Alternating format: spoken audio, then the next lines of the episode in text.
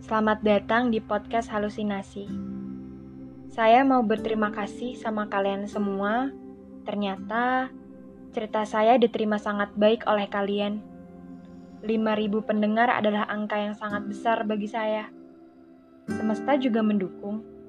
Ternyata cerita dunia yang katanya ribet-ribet ini bisa mewakilkan perasaan kalian semua. Saya berhasil maju satu langkah lebih unggul dari rasa takut yang dulu sempat ada di pikiran sendiri. Memberanikan diri untuk keluar dari zona nyaman yang sebenarnya saya nggak tahu masalah apa yang saya hadapi nanti. Tapi saya semakin ke sini semakin belajar, semakin kamu besar, semakin banyak tindakan yang akan kamu ambil, maka semakin terbuka lebar masalah yang kamu hadapi. Itu resiko, resiko yang harus kita sama-sama pecahkan, bukan sama-sama kita tinggalkan. Hmm, saya mau cerita sedikit. Minggu lalu, ada kejadian aneh. Nggak tahu, aneh aja menurut saya. Dia datang. Dia datang, kirim pesan, kira-kira bunyinya kayak gini. Joya, saya sudah dengar beberapa podcast kamu. Teruskan, jangan setengah-setengah. Itu bagus dan kamu hebat. Pesan itu saya sempat abaikan beberapa hari.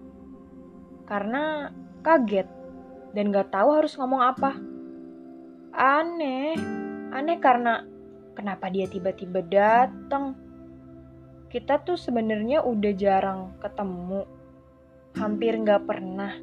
Ngobrol juga apalagi, chattingan juga apalagi. Tapi tiba-tiba dia kirim pesan kayak gitu ke saya. Gimana nggak kaget coba? Lalu, dia kirim pesan lagi ke saya, kira-kira bunyinya kayak gini. Kalau kamu sudah baca, syukurlah. Jangan lupa selalu cinta sama karyamu sendiri.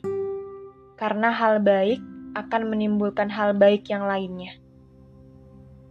Saya baru bales.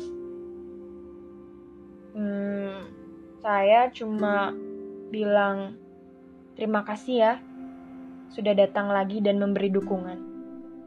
Percakapan itu berakhir dengan stiker jempol yang dia kirim. Ya udah, uh, kayak ngerasa kaget aja. Kok bisa ya? Cukup membingungkan, tiba-tiba manusia yang sempat singgah di hidup saya hadir dan datang kembali. Gak apa-apa, sekedar mengucap dukungan sudah membuat saya sedikit senang. Kalau ternyata cerita ini bisa sampai ke manusia yang membuat saya punya cerita sendiri.